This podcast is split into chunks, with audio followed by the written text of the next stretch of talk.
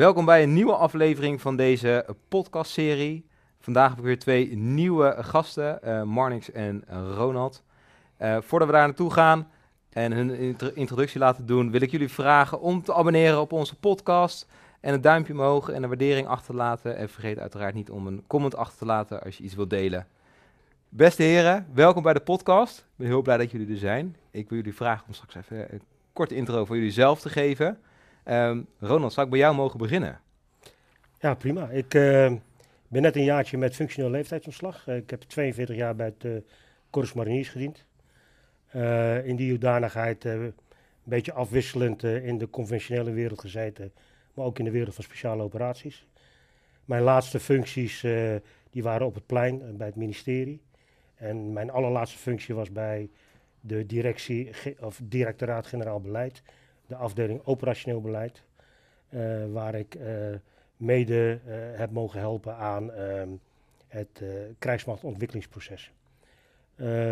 vele malen op missie geweest en mijn laatste missie is in Mali geweest, waar ik een jaar als deputy chief of staff operaties heb gezeten.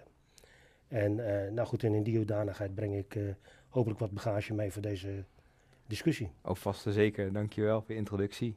Mornix, mag ik het woord aan jou geven? Ja, uh, Marnix Velius, 47 jaar, opgegroeid bij de infanterie Koninklijke Landmacht. Uh, wissel eigenlijk met name in de eerste 15 jaar tussen panzerinfanterie en uh, luchtmobiel. Uh, met een operationeel hart voor het, voor het gemechaniseerde optreden op de grond, panzervoertuigen, infanteristen, tactiek, grote oefeningen doen en maken.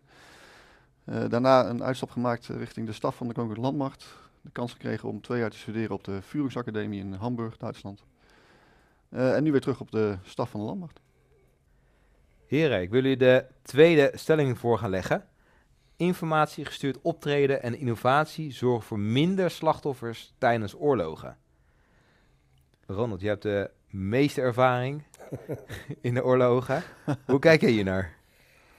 Nou, kijk, informatiegestuurd optreden is natuurlijk nu op dit moment een, een, een buzzword. Hè. Het is een containerbegrip. Uh, maar het is natuurlijk altijd al zo geweest dat je op basis van informatie handelt. Daar is niks nieuws aan. Uh, het is alleen de laatste tijd uh, wat, wat ja, wetenschappelijker ingevuld. en waar technologie ook een bepaalde rol in gaat spelen, of inspeelt. Om het allemaal uiteindelijk weer effectiever en efficiënter te laten zijn. En dat is uiteindelijk ook het doel. Je wilt effect sorteren op een zo efficiënte en effectieve uh, wijze. Uh, nou, dus wat dat betreft is daar niks nieuws onder de zon. Uh, leidt dat tot minder slachtoffers? Uh, uiteindelijk is natuurlijk wel altijd het doel bij welk optreden dan ook, dat je dat sowieso met zo weinig mogelijk slachtoffers doet. Je kunt dat niet altijd voorkomen, maar dat is natuurlijk wel altijd het doel. collateral damage is, is in sommige gevallen is dat niet te vermijden. En, maar dan worden de keuzes gemaakt. Uh, en het worden risico's gemitigeerd als het mogelijk is.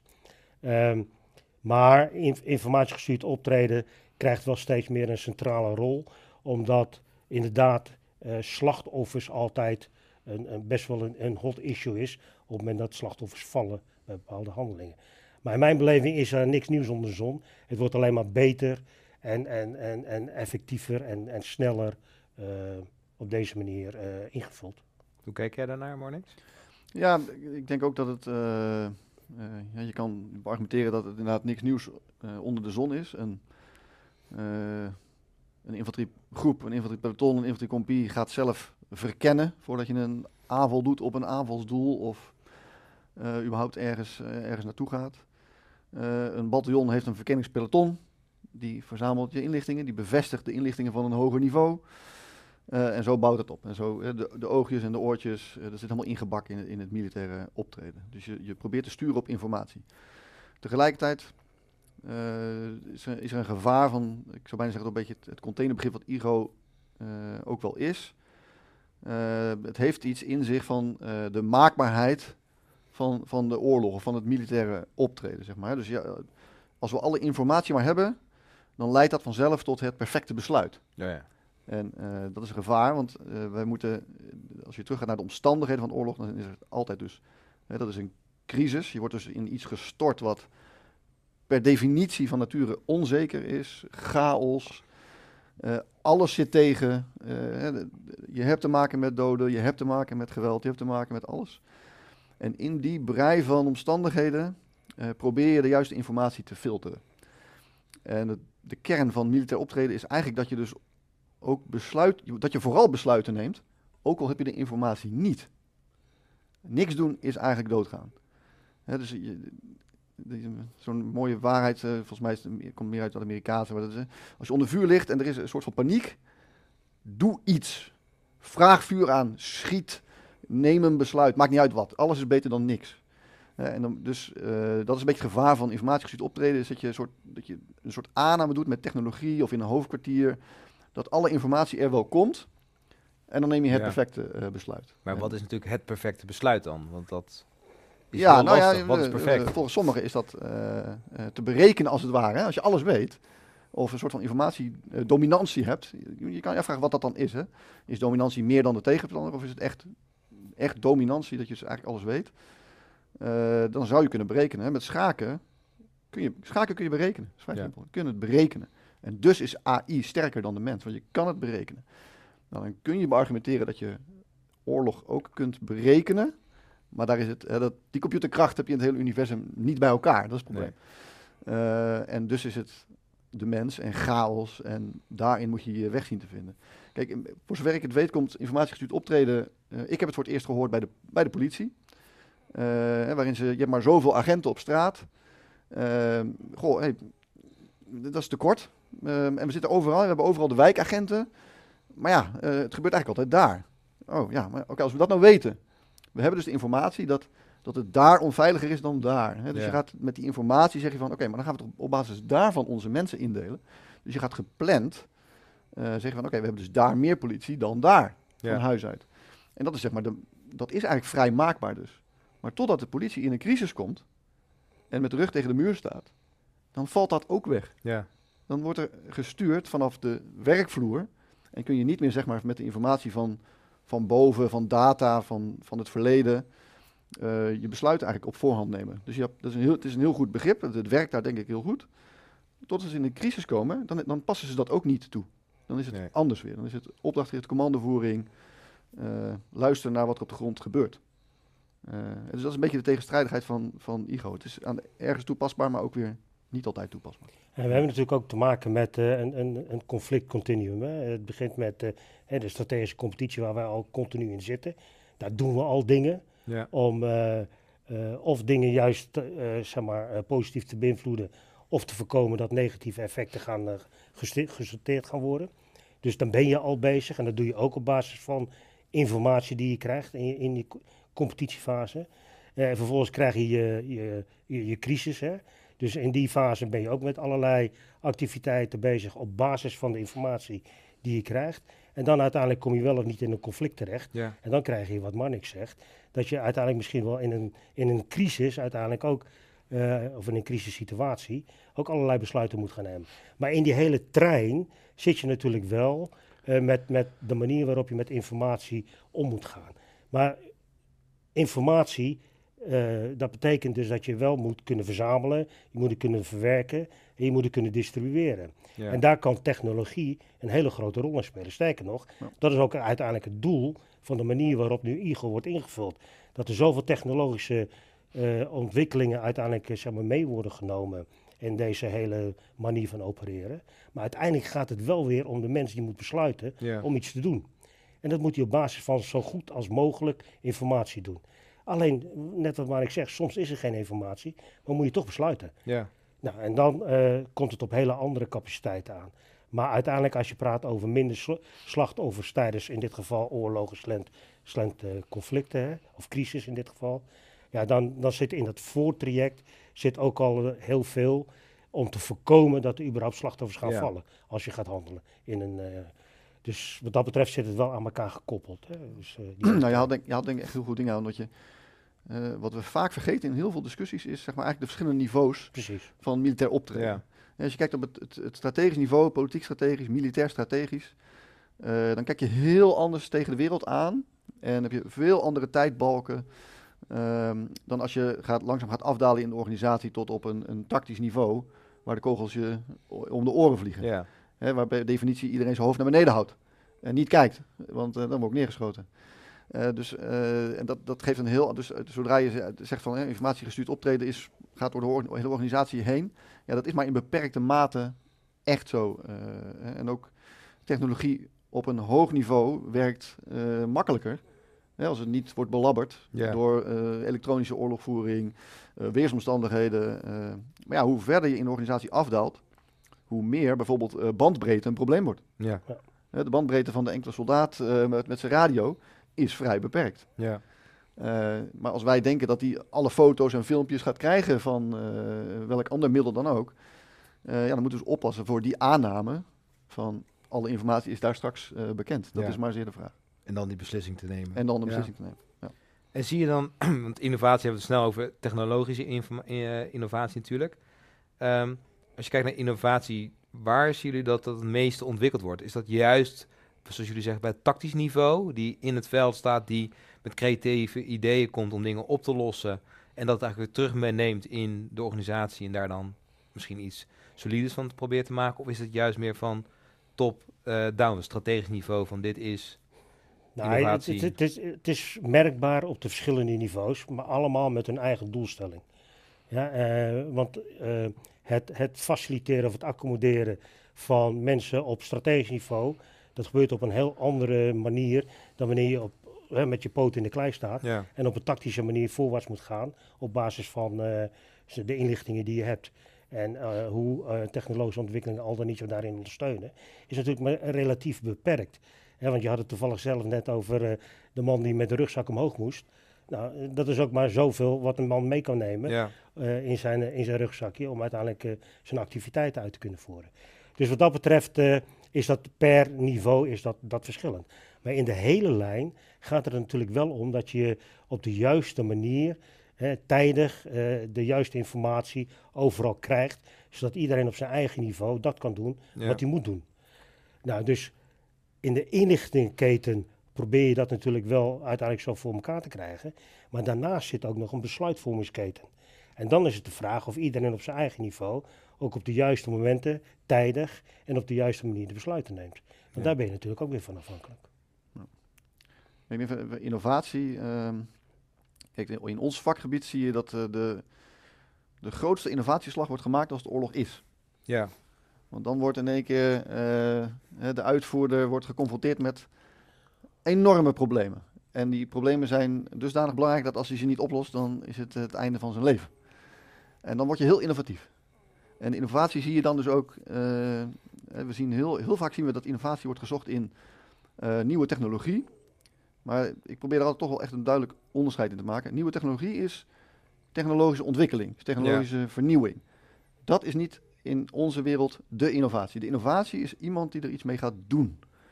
Uh, of iemand die er iets anders mee gaat doen, iets creatiefs mee gaat doen, iets wat je niet had verwacht mee gaat doen.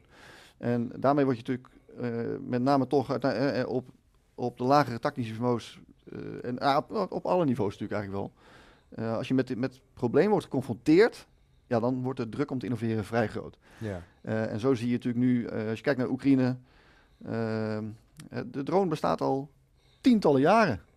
Er is heel weinig nieuws aan de, op de zon. Alleen, ja, nu zie je dat het een probleem eh, gaat oplossen. Of je geeft een probleem aan de tegenstander. Yeah. dus er wordt enorm mee geëxperimenteerd. Veel meer dan toen die oorlog er niet was. je ziet dus dat, de, ja, eigenlijk is de omstandigheid leidt ertoe dat we gaan, echt gaan innoveren. En dan zie je in één keer dat die voor van alles en nog wat gebruikt wordt. En ik zag ook laatst ja, of, het, of innovatie voor minder slachtoffers gaat zorgen bijvoorbeeld. Hè, dat is maar de vraag. Want het gaat in ieder geval, alle innovatie is er bedoeld om, om, om te winnen. En, winnen doe je door in ieder geval slachtoffers te maken aan de, bij de tegenpartij. Uh, hè, dus dan is de vraag natuurlijk, eh, gaat, is dat breder? Hè? Gaat het ook om uh, het voorkomen van civiele slachtoffers? Maar mijn ervaring is dat, hoewel we denken dat heel veel leidt tot meer precisie, is er ook toch wel stiekem heel veel meer dodelijk. en zeer dodelijk. Uh, ik zag laatst een, een, uh, een filmpje, voor, dat ging over, ook over drones. Uh, waarin ze nu met een zwerm van, van wel 20 drones, 30 drones, relatief klein, maar je kan ze bewapenen, door een bos. En dan dus met logaritme aan elkaar koppelen, zodat je echt op vrij hoge snelheid door een bos heen komt. Wat natuurlijk voorheen echt vrij moeilijk was. Het werd Ja. niet gestuurd, werd eh, automatisch. En, met- en het geluid alleen al erbij was net alsof je de Stuka uit de Tweede Wereldoorlog eh, op je af hoorde komen. Dus als je dan ziet wat... eh, ja, ik denk dat eh, de toekomst van de oorlog, waar we het straks ook nog over gaan hebben, eh, met technologische ontwikkeling, eh, echt vrij eng eh, wordt en alleen maar enger wordt. Het wordt steeds complexer, steeds meer nieuwe wapensystemen. Eh, maar in de kern blijft hetzelfde en de innovatie moet uiteindelijk worden gezocht door de, door de mens. Nou, tech- technologie kan eh, jou met heel veel dingen helpen. Hè. Het ondersteunt jou eh, in het eh, oplossen van problemen waar je sowieso a- aanlo- eh, tegenaan loopt. Ehm, maar uiteindelijk is het een creatieve geest, Ja. van wie dan ook, hè, die uiteindelijk bepaalt eh, of je succesvol bent met hetgeen wat jij ter beschikking hebt aan technologie. Eh, en omgekeerd is het natuurlijk de creatieve geest van de tegenpartij die het jou heel vervelend kan maken als zij omgaan met hele simpele technologieën die het voor jou hartstikke moeilijk maken. Ja. Drones is daar zo'n voorbeeld van. Het is een heel simpel dingetje in principe, eh, maar als de tegenpartij daar op een creatieve manier mee omgaat, Ja. dan wordt het heel vervelend voor jou. Nou, en dat is waar je tegenaan loopt elke keer met technologische ontwikkelingen in, in zijn algemeenheid. En, en dat is ook hetgeen waar we over proberen na te denken. Dat ja, er zijn technologische ontwikkelingen waar we ons voordeel mee kunnen doen. Maar wat nou als de tegenpartij met zijn creatieve geest, met zijn zieke geest, ja, daar allerlei hele vervelende dingen mee doet? Ja. Wat dan? Wat moeten wij dan eh daar tegenover stellen? Ja. Nou, zo blijf je continu elkaar bezighouden eh, en eh, ja, voeden met eh, ja, allerlei eh, zaken die uiteindelijk de- jou op de spits drijven. En nou ja, goed, eh, gaat dat uiteindelijk meer tot minder slachtoffers leiden, allemaal bij elkaar? Ik denk dat de tegenpartij daar anders over nadenkt dan wij, als Westerlingen. Hè. Wij proberen dat natuurlijk wel altijd zo min mogelijk slachtoffers te bewerkstelligen. En als technologie ons daarbij kan helpen om dat te bewerkstelligen, maar wel het effect te sorteren wat we zoeken. Want we moeten ons doel bereiken, maar wel met zo min mogelijk slachtoffers. Ja, natuurlijk, dan zijn we spekkoper. En dan gaan we dat ook zeker proberen zeg maar, door te ontwikkelen. Maar ook daar geldt jouw manier van optreden een bepaalde rol. Dan kom je weer terug op mensen, manieren, middelen. Middelen is één, maar je manier van optreden is twee. En je moet er wel de mensen voor hebben die dat kunnen. Ja, maar zit er dan ook... Want uiteindelijk heb je straks dus genoeg technologische innovatie, ontwikkeling. Je hebt heel veel data waar, waarbij je heel veel dingen wel weet of niet weet. Eh, waar je uit kan eh, filteren. Hoe gaat dan een, iemand daar een, een beslissing nemen? Want het is uiteindelijk een mens die dus een beslissing neemt. Ja. Zitten daar bepaalde... Trainen jullie daarop? Of wat moet je dan wel kiezen of niet doen? Of hoe gaat dat dan zoiets? Ja, daar, daar, daar is natuurlijk hele aansturing binnen, in ieder geval binnen de militaire organisatie, is, is geënt op het nemen van besluiten op basis van, hè, met name eh, als je, als je heel veel informatie hebt over de opdracht en omstandigheden, dan ga je trechteren, trechteren, trechteren, conclusies trekken, conclusies trekken, totdat je zegt van oké, maar dus hier gaat het nu eigenlijk nu om. En dan neem je een besluit, linksom, eh, rechtsom. Ehm, ik, ja, ik weet niet of jij er nog... Ja, militaire leiders worden natuurlijk zo opgeleid en zo gevormd om in eh crisissituaties besluiten te kunnen nemen.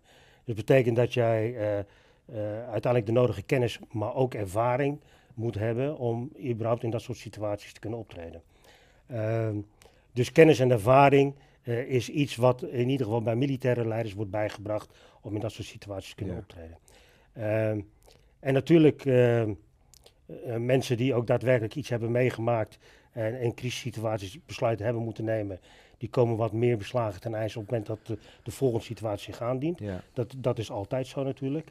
Maar ik denk dat wij gewoon in onze manier van opleiden eh, ervoor zorg dragen dat de leiders, op welk niveau dan ook, uiteindelijk dat kunnen doen wat ze moeten doen. En dat is gewoon beslu- besluiten nemen. Ja. En misschien wel aardig is, eh, heel veel natuurlijk tegenwoordig te doen over artificial intelligence. Ik denk als je die, eh die moet echt de juiste conclusies overtrekken over wat dat voor ons kan betekenen en wat, en wat het niet voor ons moet gaan betekenen.